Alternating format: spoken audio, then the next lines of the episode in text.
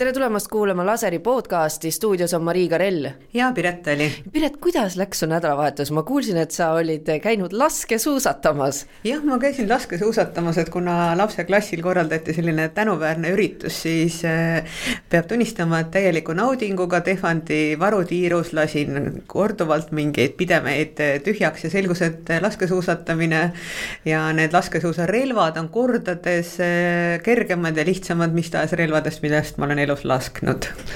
naised ja relvad. ja otse loomulikult. kas kõik emad tahtsid lasta sama entusiastlikult kui sina?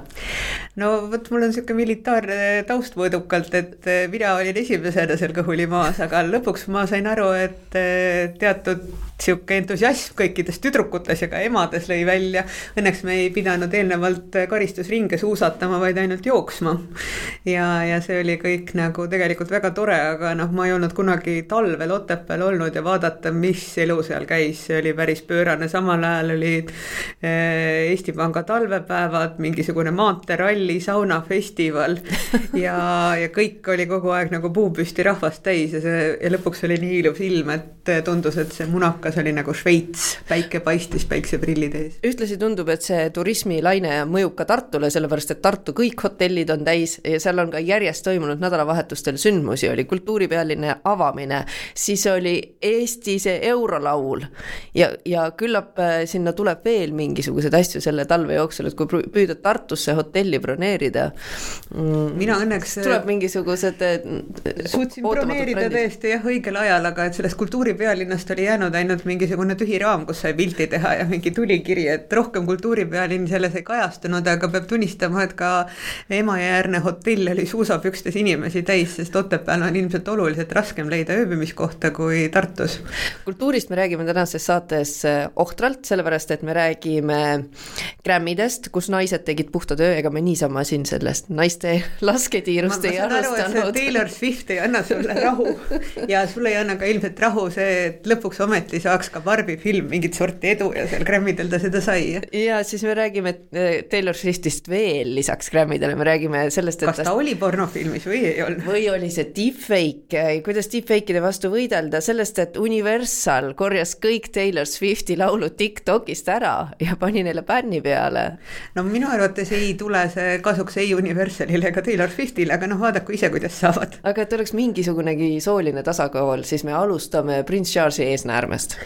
Jah, ma ei tea, kas see nagu kõikidele härradele rõõmu teeb, aga et eh, mind on nagu eluaeg hämmastanud see, kui avameelne suudab olla mingites eh, teemades eh, Briti kuningakoda ja, ja noh, kokkuvõttes sellest, et kuningas Charles läks haiglasse ju räägiti päris palju ja, ja siis tekkis küsimus, miks Camilla Baker käib nii tihti haiglas ja kas see on ikka kuninglikule perele väärikas istuda nii palju sellel printsi või kuninga voodiveerel, aga selgub, et asi on oluliselt tõsisem olnud, et äh, väiksed eesnäärmeprobleemid on jõudnud selleni, et tegu on ikkagi vähiga ja kas see on siis nagu kokkuvõttes see, et tuleb äh, meestel oma tervisele rohkem tähelepanu pöörata, kui kuningas ise näitab oma eesnäärmega neile eeskuju?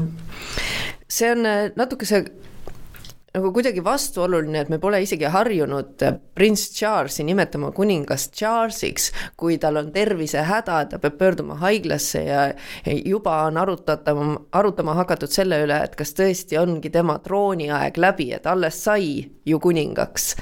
aga. mida ta ootas aastakümneid, aga kuna tema ema oli nii pikaajaline, siis ta oleks võinud ka ju leppida sellega, et kahjuks ta ei oleks kunagi kuningaks saanudki Inglise või Suurbritannia peaminister peaminister Rishi Sunak on teinud äh, avalduse, et äh, jumal tänatud, et see avastati kuningas Charlesil varases eas ja on lootust, et haigus saadakse siiski kontrolli alla.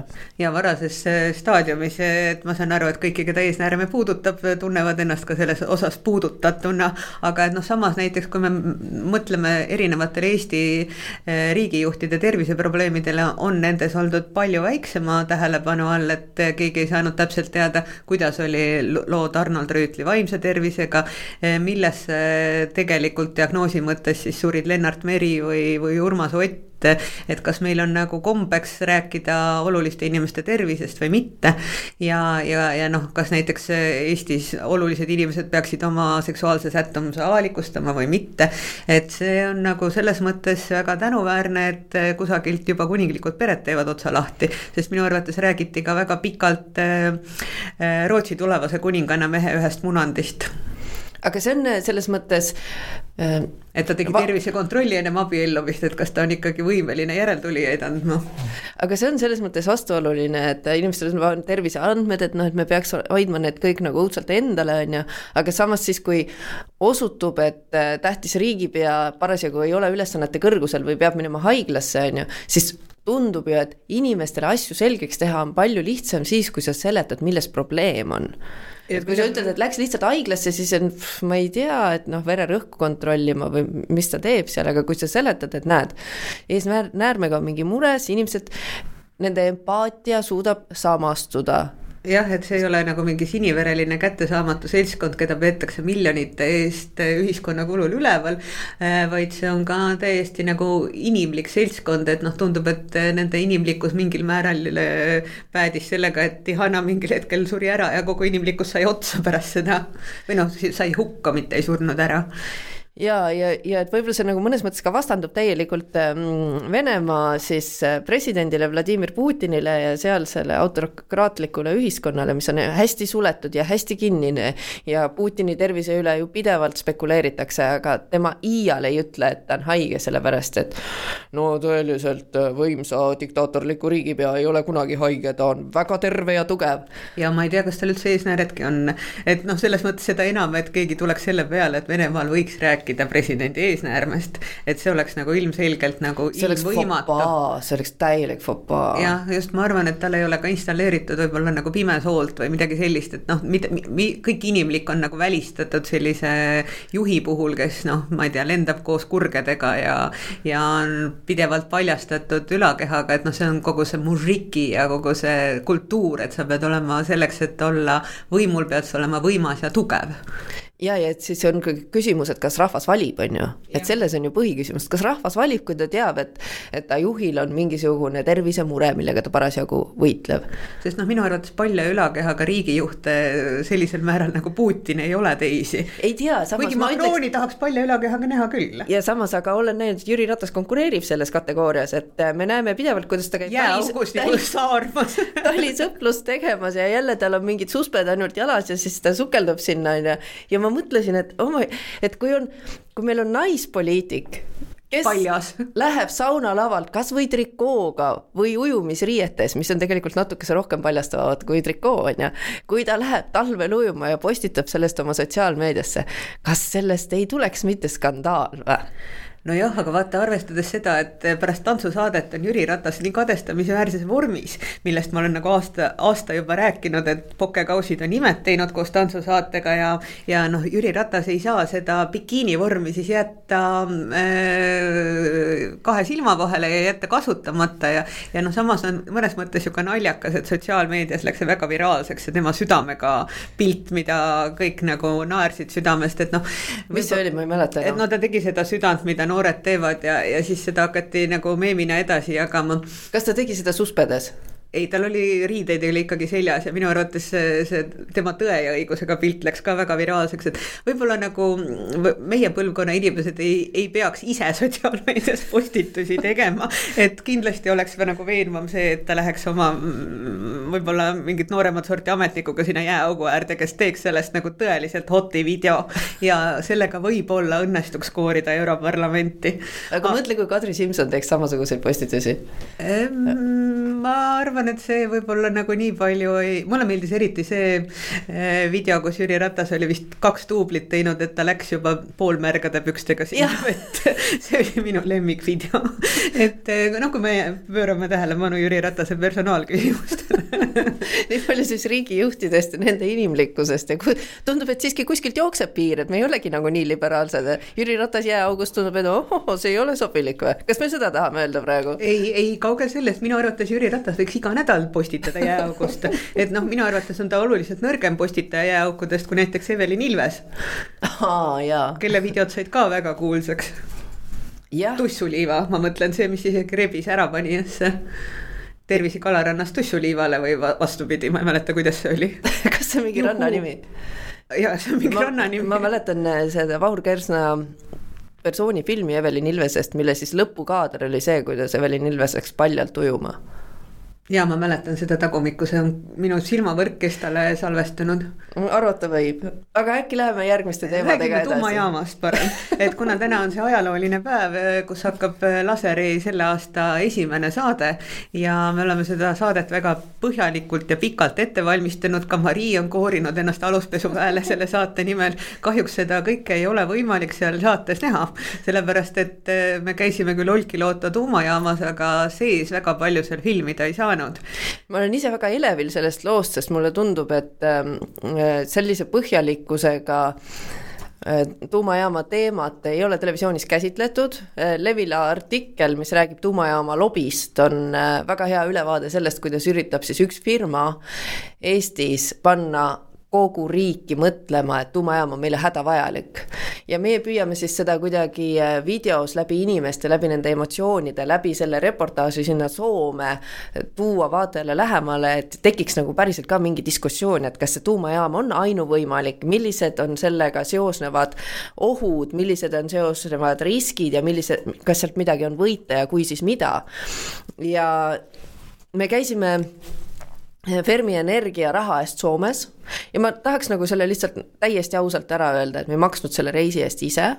et noh, siis saab vaataja ise otsustada, kas me kuidagi allusime sellele provokatsioonile, aga tuumajaama viidi meid Soome Olkiluodosse, see on äh, selline kolm tundi sõitu Helsingist.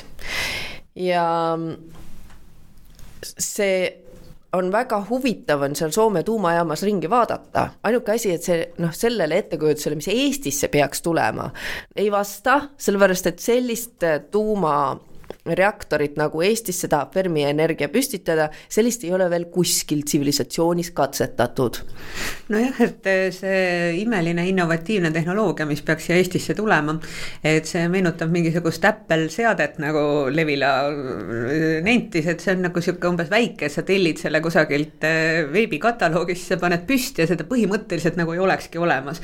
aga et noh, samas keegi ei suuda ka minu arvates päris täpselt täpsustada, et kas sinna tuleb üks reaktor, kaks reaktorit, neli reaktorit, et kogu aeg seal Fermi Energial on nagu suurejoonelised plaanid, et me filmisime ka Fermi Energia kontoris ja, ja noh, minu arvates oli see nagu väga veider, et kuna me oleme ka sellel ühiskondlikul diskussioonil silma peal hoidnud, siis ei ole ju veel otsustatud, kas see üldse tuleb. aga samas Fermi Energia seina peal oli üks tahvel, kuhu oli kirjutatud, et juba kaks tuhat kolmkümmend üks või? ja juba kaks tuhat kolmkümmend üks, et nad on otsustanud selle kuupäeva tuua ettepoole või ütleme siis aasta tuua ettepoole, mis jätab mulje justkui kiirustamisest. Ja ma saan aru, meil on energiaga on raske, on ju, me peaks midagi selle energiaturuga tegema, me tõesti ei ole, oleme siin munenenud mitu aastat ja küsimus on, kust see elekter kõik tuleb, on ju. aga et tuumajaam on kindlasti üks selliseid asju, mida kiirustades ei saa teha, eriti arvestades, et see nunnu väikene reaktorikene siis, mida siis Eestisse tahetakse püstitada, nagu mida põhimõtteliselt saad kassu võtta või taskusse panna, et noh, et seda pidi pandama Kanadasse ülesse, siiani ei ole seda juhtunud, eksperdid lükkasid esimese hooga selle reaktori ülespaneku tagasi, siis eksperdid on veel tuumajaamade püstitamisel öelnud, et kui see on täiesti uus tehnoloogia, mida see konkreetne tehnoloogia siis on, mida Fermi Energia siin tahab panna, siis täiesti uusi tehnoloogiat palun kasutada vanades tuumariikides, kes on juba mingit tuumatehnoloogiat kasutanud ja teavad, mis selle laias laastus ohud ja plussid on ja siis nad võtavad nagu ühe väikese killu uut infot juurde, aga kui sa ei ole mitte midagi teinud, et siis see võib olla natukese nagu liiga suur amps hammustada. aga noh, samas on nagu üllatav, et Eestis, kus tegelikult on väga suur elanikkonna osa, veel mäletab täiesti seda Tšernobõli teemat, Tšernobõli katastroofi, neid inimesi, kes läksid Eestis seda õnnetust likvideerima ja, ja inimesed on suudetud nagu konkreetselt nagu ümber pöörata, sest peab tunnistama, et kui ma käisin kliimaministeeriumis sellel konverentsil tuumajaama eelõhtul, kus olid, tutvustati siis Norstatis tehtud rahvastikuuuringut ja selgus et, et viiskümmend seitse protsenti eestlastest on nõus, noh muidugi tekib küsimus, et kuidas see küsimus oli püstitatud, et kas te olete nõus, et Eesti energiaturule tuleks ka tuumaenergia või oli see, et kas te olete nõus, et tuleb jah või ei. või kas te olete nõus, et teie siin äh, viiekümne kilomeetri raadiusesse tuleb tuumajaam, et need on tegelikult erinevad küsimused. Teie aia taha tuleb tuumajaam, et siis äh, noh, minu jaoks oli see nagu üllatav, et kuidas on toimunud ühiskondlikus mõtlemises nagu nii suur pööre. Ja, ja kas see on nagu sellest äh, firma lobitööst, sest noh, kui mul oleks nagu võimalik kirjutada raamat sellest, kuidas on toimunud massikommunikatsiooni teooria rakenduste ime, siis Fermi Energia on ju sellega täiesti nagu süsteemselt hakkama saanud, et nad on igal ühiskonna tasandil suutnud hakata korraldama sellist eh, propagandistlikku, ma ei, ma ei tahaks öelda ajupesu, aga teavitustööd. et eh, noh, põhimõtteliselt, kui nad käivad koolides, teevad tunde, ülikoolides loenguid, korraldavad suveakadeemiat. maksavad kinni tudengite õppimise välismaal, kui sa lähed tuumaenergiat õppima. siis eh, korraldavad, eks ole, külaseltsidesse, sõidavad igale poole kohale, siis teevad teavitustöö, viivad sinna lasteaedu, algkoole, et noh, põhimõtteliselt terve, terve Virumaa on sellest äh, haaratud. ja, ja noh, kuna Eestis on välja toodud äh, neli piirkonda ja siis umbes neliteist kuni kuusteist erinevat kohta, kuhu sa võiks tulla, aga kuna konkreetselt on, äh, tundub, et Virumaal on inimesi võimalik nagu lihtsamalt mõjutada, pluss veel see, et nad on kakssada inimest viinud siis Rootsi ja Soome neid tuumajaamasid vaatama. ja, ja noh, põhimõtteliselt inimesed, ma ei tea, kas nad tulevad tagasi sealt nagu propagandistidena või ei tule tagasi, aga noh, mingil määral on ikkagi nagu see, et kui sa loed ka nagu ajakirjanike artikleid, kes seal on käinud, siis on ikkagi see, et ma käisin seal ära ja ma ei helenda et, et kas see on nagu see, et, et, et mis mõju see siis nagu sinule avaldas?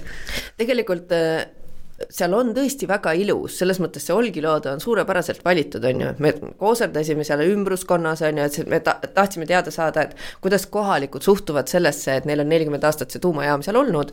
ja siis seal viie kilomeetri kaugusel sellest tuumajaamast on selline imeline, idülliline suvilarajoon, kust lähevad väikesed paadisillakesed merre ja, ja see kõik on vaikne ja ja sa nagu ei saakski aru, et seal tuumajaam hästi lähedal on, sa näed ainult mingisuguseid suuri elektriliine sealt jooksmas, on ju. kui me käisime seal eh, Eurojoogi vallas, siis eh, suuremates asulates küsisime inimestelt, et noh, et mis te siis arvate, et see tuumajaam siin on.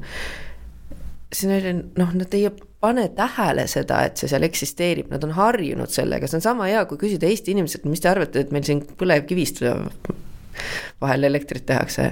kas see tundub teile okei okay?, noh, me ei mõtle selle peale igapäevaselt, nemad ka igapäevaselt ei mõtle sellele. ja see tuumajaam ise näeb seest ju nagu väga steriilne ja puhas välja ja kui me sinna läksime, siis see tõepoolest oli nii, et me pidime pesuni lahti riietuma.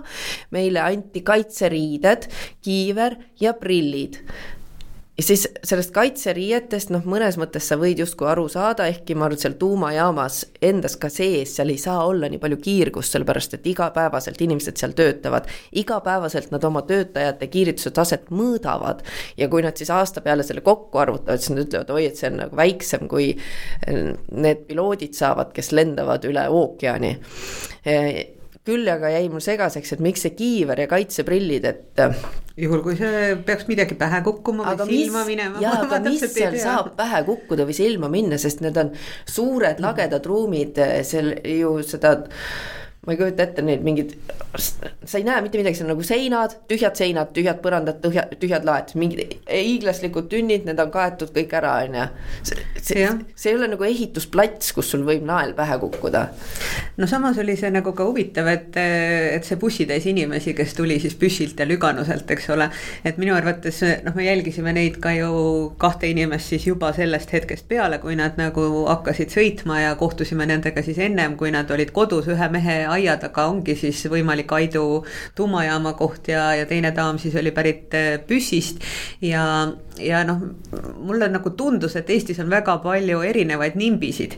E, ehk siis äh, not in my backyard inimesi, et ühed on need, kes on nagu totaalselt selle vastu, aga teised nagu põhimõtteliselt ootaks kahel käel seda tuumajaama, et see võimaldaks lahendada ära need sotsiaalsed probleemid, mis nende elukohas on, et, et kui Meelis ütles meile seal Aidus, et noh, kõik, mis siin ukse taga on olnud tal või aia taga, on olnud kordades hullem kui võimalik tuumajaam, noh, kui seal on olnud tõesti mingisugused purustustehased ja, ja kui sellesama Katrini ukse taga on olnud puitplaaditehas, mis haiseb ja müriseb, siis selle kõrval tundub nagu tuumajaam täiesti tühi-tähi. et noh, ainus, kes ma saan aru, on kurjad inimesed, on looduskaunil leti peal elavad Enno Tammer oma sõpradega. ja Enno Tammer muide selle massikommunikatsiooni raamatu, mis sa tahtsid kirjutada, ta mõnes mõttes on kirjutanud, on ju. ja, aga mitte sealtpoolt, et kuidas teha nagu sellist kommunikatsiooni, millega terve riigi suhtumist muuta. tema räägib sellest oma aiatagusest letipeast, et, et see oli ka tegelikult selle Fermi Energia üks suurimaid kommunikatsioonivigasid, et nad ilma mingi rahvaküsitlusega seal leti peal kukkusid puurima ja oh ebaõnne Tammeri aia taga, seda nad kahetsevad ilmselt elu lõpuni, sest noh, see oli nagu täielik kommunikatsioonialane fopaa, et, et kui nad muidu on nagu väga peenelt oma kommunikatsiooni läbi mõelnud, siis see oli nagu ilmselge viga.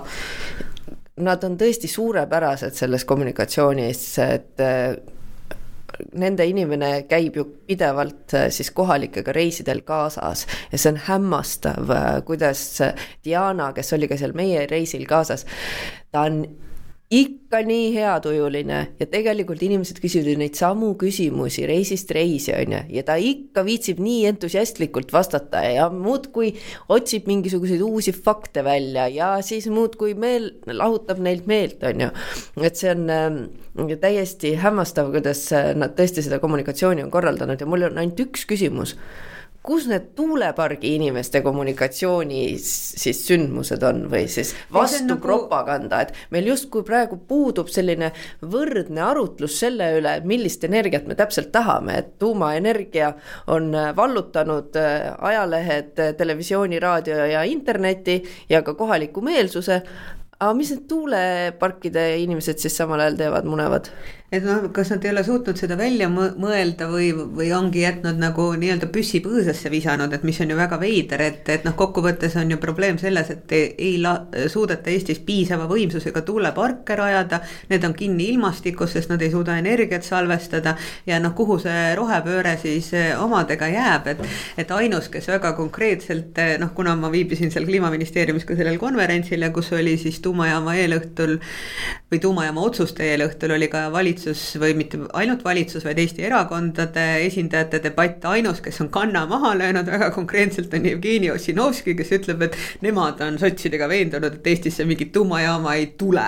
ja noh, teised on nagu ütlevad kaks erakonda jah ja, ja ülejäänud ütlevad võib-olla, aga, aga et kus on nagu see vastasrinne, tahaks ma teada, et kas nad on kuidagi nagu ju, juba otsustanud, et see võitlus on kaotatud. tuumajaama poolt on üks vähe väheseid asju, milles on Reformierakond ja EKRE samal nõul et see oli ka huvitav. Äh, jah, et, et ma tahaks muidugi näha, et kaua nende koosmeel selles asjas seisab, et see jõuab ilmselt nagu selleni, et äh, jõutakse Riigikokku ja, ja siis läheb üks suur obstruktsioon lahti, sest ma ei kujuta ette, et nad saaks endale seda lubada, et nad nagu hääletaksid ühel meelel äh, kahe asja poolt. muide, ma olen ka kuulnud, et mis nagu Ossinovski seda mm, vastumeelsust põhjustab, väidetavalt oli ta Fukushima mingi uraanirikastusaktsiate omanik ja hävis nendega, aga ma ei tea, kas kas see vastab tõele?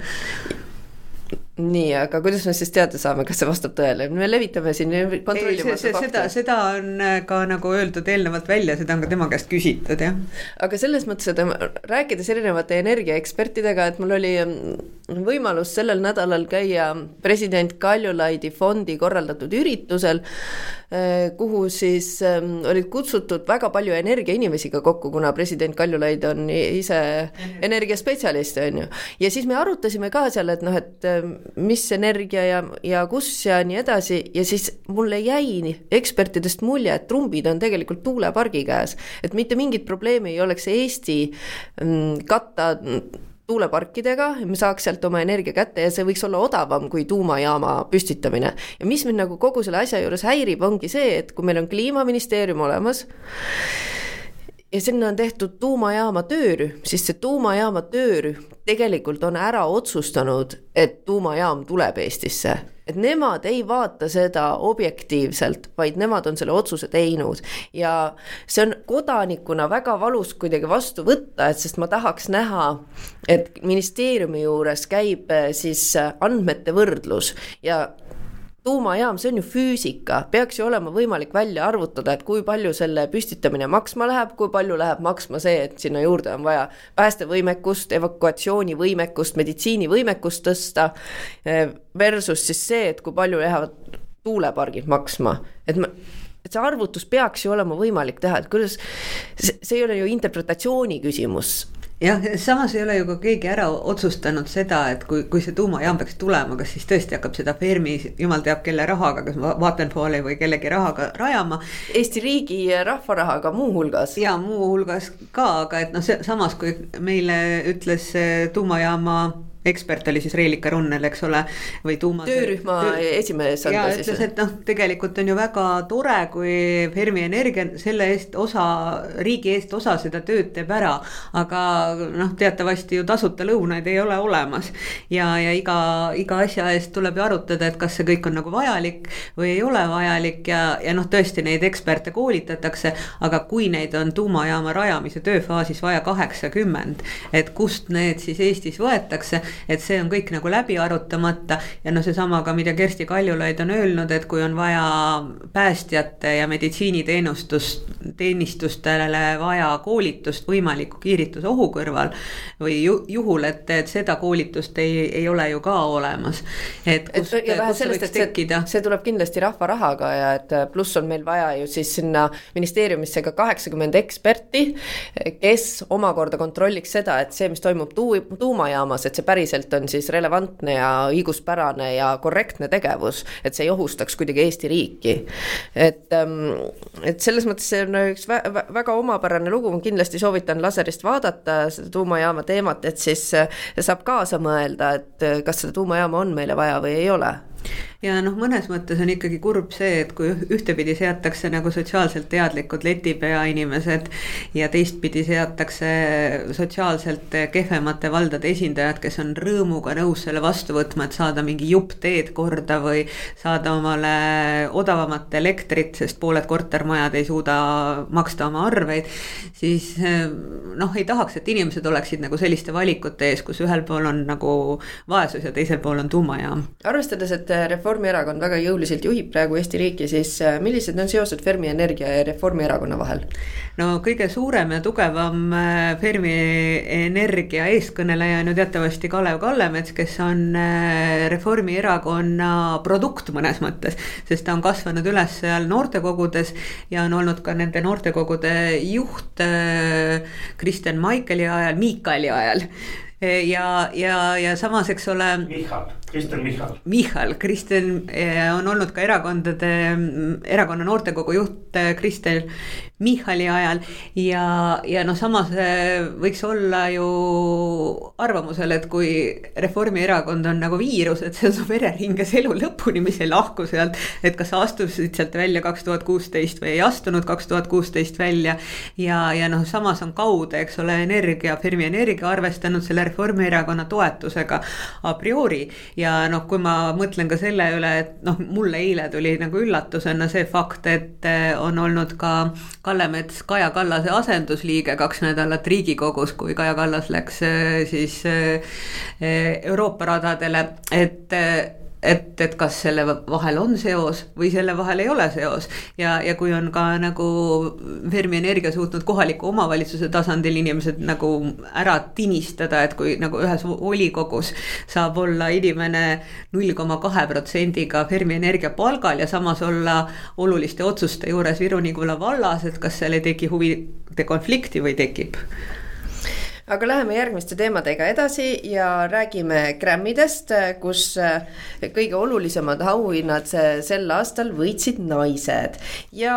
hurraa, trummid ja pasunad lõpuks ometi on koitnud Taylor Swifti tund Taylor Swift loomulikult, aga ka Miley Cyrus, Olivia Rodrigo, Billie Eilish, Ziza ja bänd Boy Genius, mis tegelikult koosneb, koosneb kolmest naisest.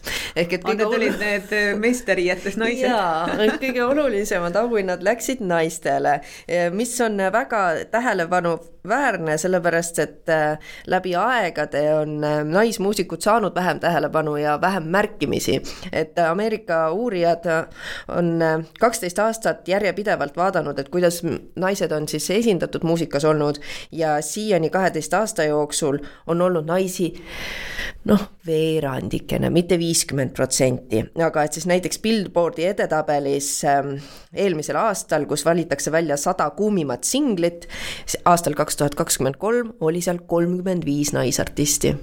nii et numbrid vaikselt paranevad aga noh, naistega ikkagi on oluliselt vähem probleeme, arvestades nagu seda Grammy'de üritust, ma saan aru, et sealt eh, üks vanaldane räppar, kes sai ka mitu preemiat, viidi käeraudadega tagaruumist ära, sest ta kippus kaklema, ma ei kujuta ette, et Taylor Swift tahaks kellelegi nagu backstage'is pasunasse anda. loomulikult mitte, aga no vot Taylor Swift on ühes teises eh, siis eh, kategoorias veel teinud väga suure statistilise tõusu, et needsamad Ameerika uurijad on siis uurinud, et kui palju stuudios nagu tehniliste inimeste nagu noh, siis produktsiooni taga on naisi ja, ja ainult äh, kuus koma viis protsenti produtsentidest on naised. kuus koma viis, see on ikkagi märkimisväärselt väike summa aga.... see ei tundu mulle väga kummaline, arvestades seda, mis ma nagu muusikamaailmas näinud olen või teadnud, et. et ma ei usu, et see oleks nagu väga palju muutunud, et kuus koma viis on minu jaoks ka üllatavalt suur protsent. isegi jah, kaks tuhat kaksteist oli see protsent ainult kaks koma neli, aga no sinna kuuekümne, kuue koma viide protsenti siis produtsentide hulgast, sinna kuulub ka Taylor Swift, kes on ise produtsent, on ju. kas tema mitte ei teinud oma lugusid reprodutseerinud, sellepärast et, et ta tahtis saada nende eest ise oma neid autoritasusid? Loomulikult kõik õigused. see oli temast nagu väga mõistlik, arvestades seda, et kui sinu lugusid kusagil voogedastusplatvormil edastatakse, saab sellest nagu rõhuva enamuse rahast ikkagi produtseerija, mitte esitaja. aga et ütleme niimoodi, et Taylor Swiftil on ärilist mõtlemist, mida võib-olla paljudel naistel nii palju ei ole, et. paljudel meestel ka ei ole. ja paljudel meestel ka ei ole, et kui sa võtad oma mingisuguse kunagise kuulsa loo ja annad selle väikeste eranditega uuesti välja, siis sa saad selle eest ikkagi raha ise, mitte keegi teine. Grammidel oli ka siis siis äh, väga suur äh, Barbi äh, selline ülestõus, mäsk kogu nende Oscari nominatsioonide vastu, et Grammidel siis Greta Gerwigi Barbi film sai üksteist nominatsiooni jah, aga noh, selles mõttes, et äh, igasugustel filmiauhindadel on nad suhteliselt tühjade pihkudega jäänud, aga, aga noh, samas tundub, et see Grammy on oluliselt feminiseerunum kui kõik muud erinevad Ameerikas esinevad organisatsioonid. aga Taylor Swiftist on põhjust rääkida veel kahel teemal, et nimelt siis tõesti Universal kuulutas eelmisel nädalal välja, et Tiktokis ei või nende lugusid enam kuulata, nad keelasid Tiktokile Universali artistide, kelle hulka kuulub ka Taylor Swift avaldamise ja, ja nende lugude seal kasutamise ja sellepärast, et neile tundus, et TikTok ei maksa õigesti autoritasusid.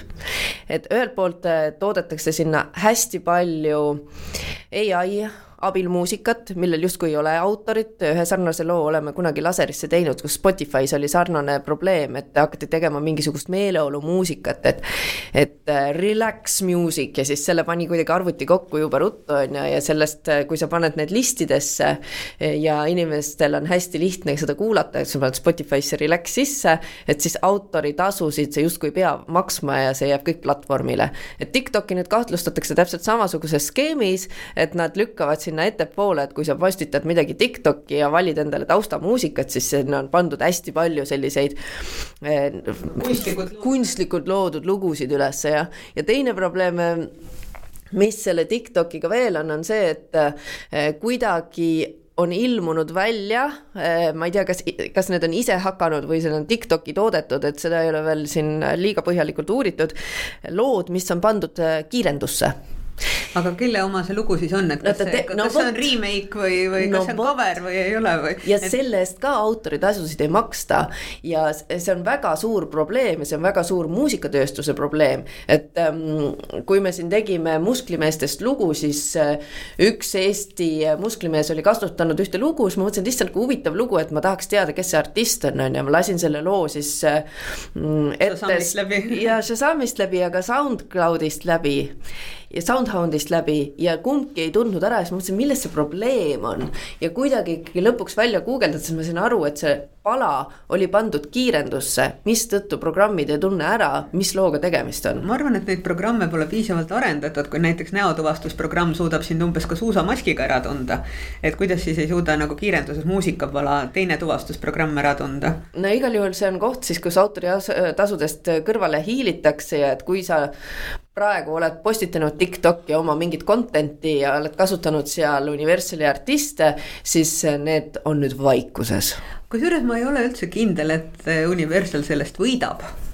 Ma arvan, et nad pigem kaotavad sellest, et, nende igasugune eh, tarvitamiskogus väheneb kohutavalt ja, ja kui nad nagu eiravad nii nagu mõjuvõimsat platvormi. et eh, mina Universali asemel annaks kõik tasuta kasutada ja see tõstaks nagu nende kuulatavust absoluutselt kõikidel platvormidel. ei no nii tasuta nüüd ka ei saa, aga kui me noh, meenutame, et sarnaseid vaidlusi on olnud äh, ju Spotify'ga ka ja just nimelt ka näiteks Taylor Swiftil, kes ütles, et kuulge. kui te ei hakka normaalselt maksma tasusid muusikutele, et siis ma võtan oma muusika välja ja ta võttiski välja, aga nüüdseks on see tagasi, et nad jõuavad mingil hetkel kokkuleppele iseenesest sellised protesti sammud mõnes mõttes aitavad siis kasvatada neid hiiglaslikke platvorme, mis lihtsalt koorivad kasumi teiste inimeste raskest tööst jah, kusjuures mul tekkis küsimus, et vaata Eestis olid ju ka eelmine nädal vähe sellest, et äh, kultuuripealine oli ka Eesti muusikaauhinnad. ma saan aru, et meist kumbki seda ei vaadanud sel korral. mina mõnikord olen puhtalt kohusetundest vaadanud, et tegu on Eesti asjaga, aga peab tunnistama, et ma ei suutnud ka ühtegi äh, Aalika lugu meelde tuletada, mida ma peaks olema kuulanud, aga Aalika riisus ju kõik koore ja siis tekkis mul küsimus, et kuidas sa üldse nagu skoorid, millise helikandjaga sa peaks välja tulema, et üldse Eesti muusikaauhindadel nagu äh, läbi lüüa, et. et kas see on nagu viis laulu kusagil platvormil, äh, kas see on mingisugune no plaate ju keegi vaevalt enam välja annab, et nad vinüüliga nagu metsikult nagu lööksid seal. et igal juhul on see nagu põnev ja, ja kas, kas Aalika näiteks äh, oleks ka erinevatel taustalugudel Tiktokis üldse tegija või ei oleks? no kui äh Greta Gerwig oleks ta kutsunud sinna Barbi filmi nagu teisi kuulsaid muusikuid kutsus, siis mõtle, kui suur tegija ta siis oleks, on ju. aga selles mõttes, et see, ma arvan, et see on ikkagi tore, et Eesti muusikaauhindu jagatakse, et sellest on tehtud nii suur show, et ma vaatasin algust, et kuidas see välja näeb, et kas see on ikkagi väärikas meie Eesti muusikutele. et see aitab juhtida tähelepanu sellele, et meil on siin inimesed, kes teevad oma tööd hingega, kes on otsustanud, et nemad on artistid ja nad elavad sellest ja on äge, kui me näeme neid neid äh, vahepeal sellises äh, suures äh, säravihus. jah, no ma huviga ootan, et mis nende nagu telereitingud on, et samas oleks ka kurb, kui, kui selguks, et nagu sellistel suurepärastel produktsioonidel mainstream kanalites oleks suhteliselt väike vaadatavus, sest ma ei usu, et nagu kõik need, kes nagu seda muusikat kuulavad, vaataks televiisorit jah, aga siin ongi nagu küsimus, et kuidas neid platvorme nagu äh, siis kasvatada, on ju, et see pla platvorm on tore asi, et meil on kõik hästi, hästi mugav endal seda kasutada, aga et kuidas see siis lõpuks ei juhtuks nii, et need muusikud jäävad jälle palgata, et Spotify'd on sellest palju süüdistatud, et nüüd needsamad süüdistused lähevad TikTokile, nad peavad hakkama sellega tegelema.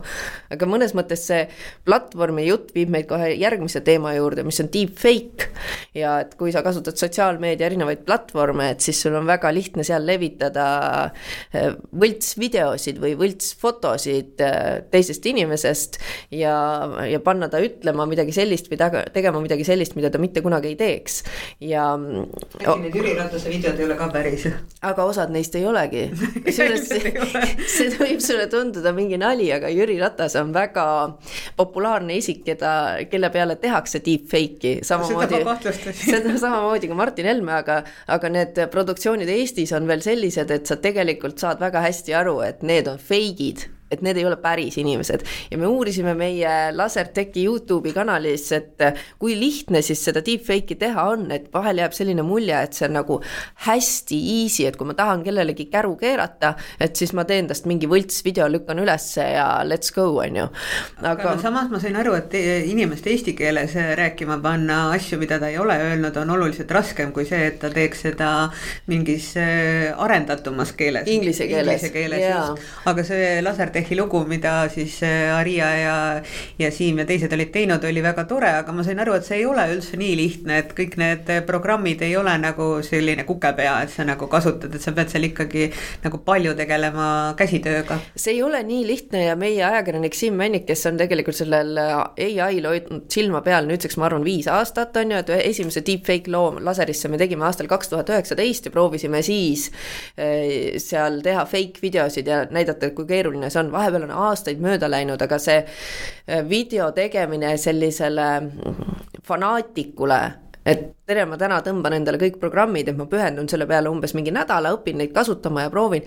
see ikkagi ei ole lihtne, see tulemus tuleb selline, et sa saad aru, et see on võltsitud. aga see, kuidas te selleni jõudsite, oligi ju seesama, et levis Taylor Swifti pornovideo. absoluutselt.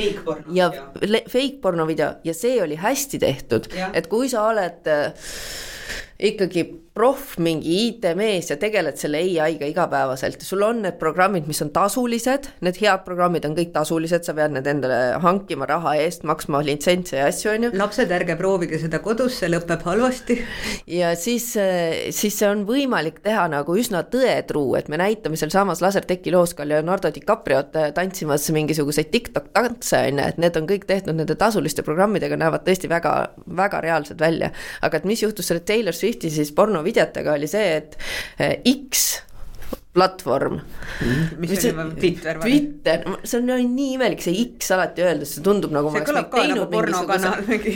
ja või ma oleks teinud mingi kõnedefekti või X, X, no ühesõnaga platvorm X äh, keelas siis mõneks ajaks ära üldse otsingusõna Taylor Swift, sest neil oli vaja panna pidur peale, et see video rohkem ei leviks seal X-is on ju. aga ta oli ennem seda juba nelikümmend seitse miljonit korda vaadatud.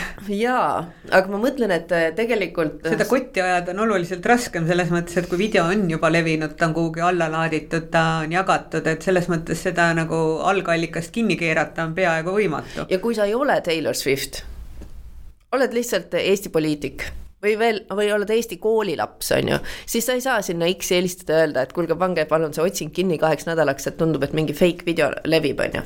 üleüldse on väga raske platvormidega suhelda, kui ma olen oma libakontosid üritanud kinni panna näiteks eh, sellises vanainimeste kohas nagu Facebook, see on peaaegu võimatu leida mõni mänedžer.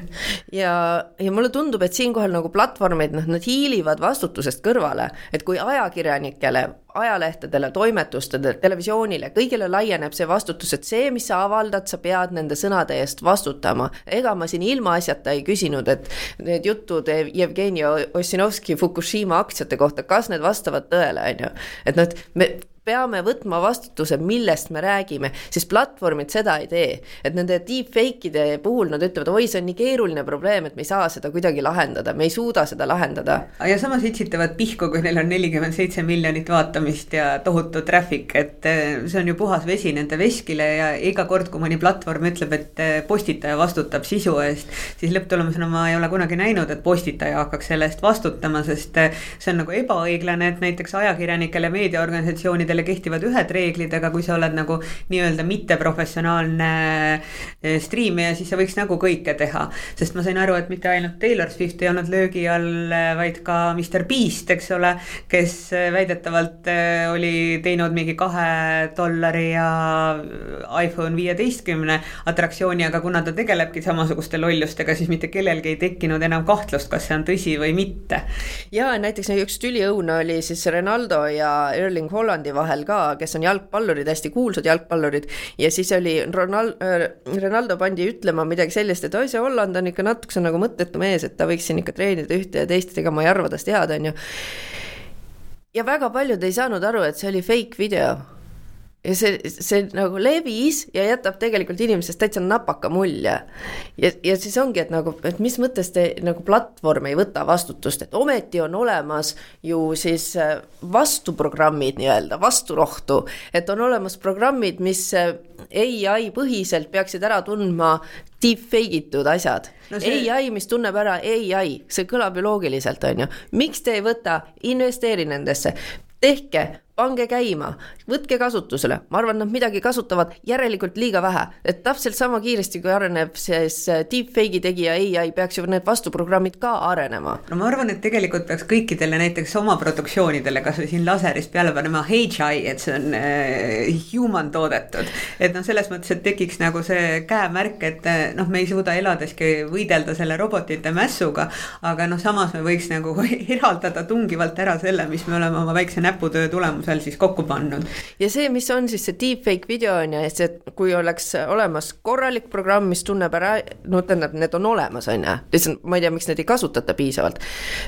Nii, see Taylor Swifti video, see oli fake, automaatselt saadab Taylor Swifti juristile selle kohta teate ja järgmisena, kui sa oled levitanud seda fake videot, on ju, saabub sinu postkasti Taylor Swifti advokaadilt nõue. neljakümne seitsme miljoni eest. jumal teab, mis seal, mille eest, aga ma arvan, et see pikas perspektiivis paneks inimesed mõtlema ja nad lihtsalt vastutustundelt enam ei jagaks neid videosid. kui neid nõudeid tuleb piisavalt, isegi kui need on alguses ainult see, et kui sa veel kord eksid, siis me trahvime sind, on ju. see ei pea esimene kord olema, et maksa meile kohe viis miljonit, aga see hoiatus väärtus, see mõjub, see näitab, et näe, me näeme, mida sa teed, et ära levita, see ei ole okei okay,, sest see tegelikult, see on küberkius see oli nii kõva statement, et selle peale mul jäi suu lukku, mul ei ole mitte millegagi edasi minna. E, ja noh, see, et osa Jüri Ratase videosid on ka fake, see ikkagi oli löök mulle otse südamesse. aga ma. mitte need ujumisvideod, see on päris inimene, sinna võiks panna selle Jüri Ratase käemärgid ja. jah, et võiks, võiks seda kõike eraldada, et kas meil on veel eh, teemasid läbimata, me tahtsime rääkida ka filmist. tahtsime rääkida kaks sõna filmist Saltburn, et ühesõnaga on eh, Amazon Prime'i platvormile ilmunud üks äh, täielik uus noorte hitt, kus on siis ähm, tudengid lähevad suvevaheajale. Oxfordi tudengid. üks neist on hästi rikas ja teine on hästi vaene. ja siis nad lähevad sinna hästi rikka mõisa ja see hästi vaene, see kõik tundub, toimub kaasajal ja siis hästi vaene, me kogu aeg näen ta kimbatust ja piinlikkust, et kuidas noh, et ei tea, millise kahvliga süüa, kuhu astuda, kas toores muna on okei okay või see peab olema üleni praetud ja nüüd see vaene teenija tõi mulle sellise pooltoore mura, muna, aga mulle ei maitsenud, et kas ma võin öelda, et mulle ei maitse või ma pean selle lihtsalt sisse, sellist kimbatust ja piinlikkust on seal filmis tohutult palju, teismelised, kes niikuinii noh, avastavad alles ennast ja kelle elus on ka veel väga palju selgusetust ja, ja sa iga päev nagu püüad võidelda selle eest, et aru saada, kuhu sa siin maailmas kuulud täpselt. Saltburn on teinud võimsa võidukäigu ja sotsiaalmeedias väga palju jagatakse seda, inimesed seda palju vaatavad. Soundtrack on läinud tohutult popul. ja, ja Saltburni üks produtsentidest on muideks Margot Robbie, nii et oh. Barbist me ei saa üle ega ümber. minu arvates on see täielik poistekas film ju.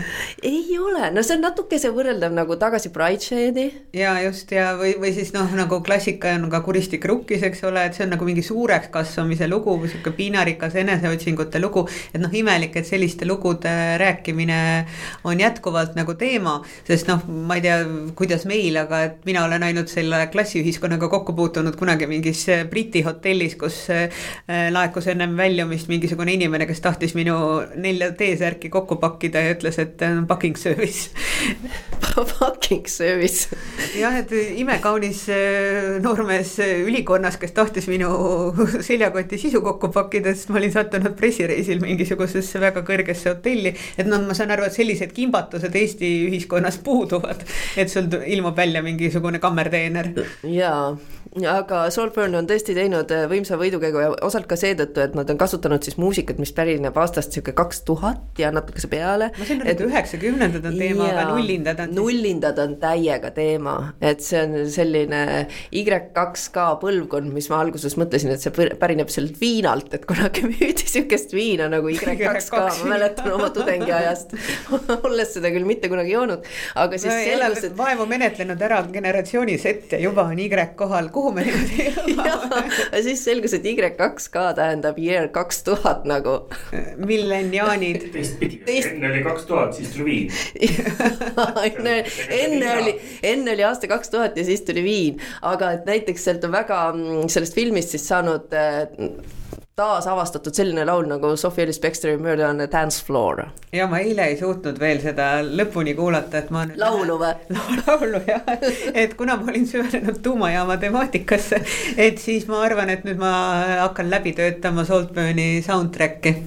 väga tore oli teiega, kuulake meid jälle podcast'is, vaadake laserisaadet TV3-s teisipäeviti pool üheksa ja Youtube'ist leidke meie kanal Lasertech. kohtumiseni